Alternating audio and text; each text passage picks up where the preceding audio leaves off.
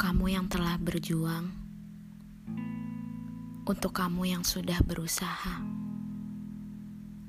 untuk kamu yang mempertaruhkan nyawa.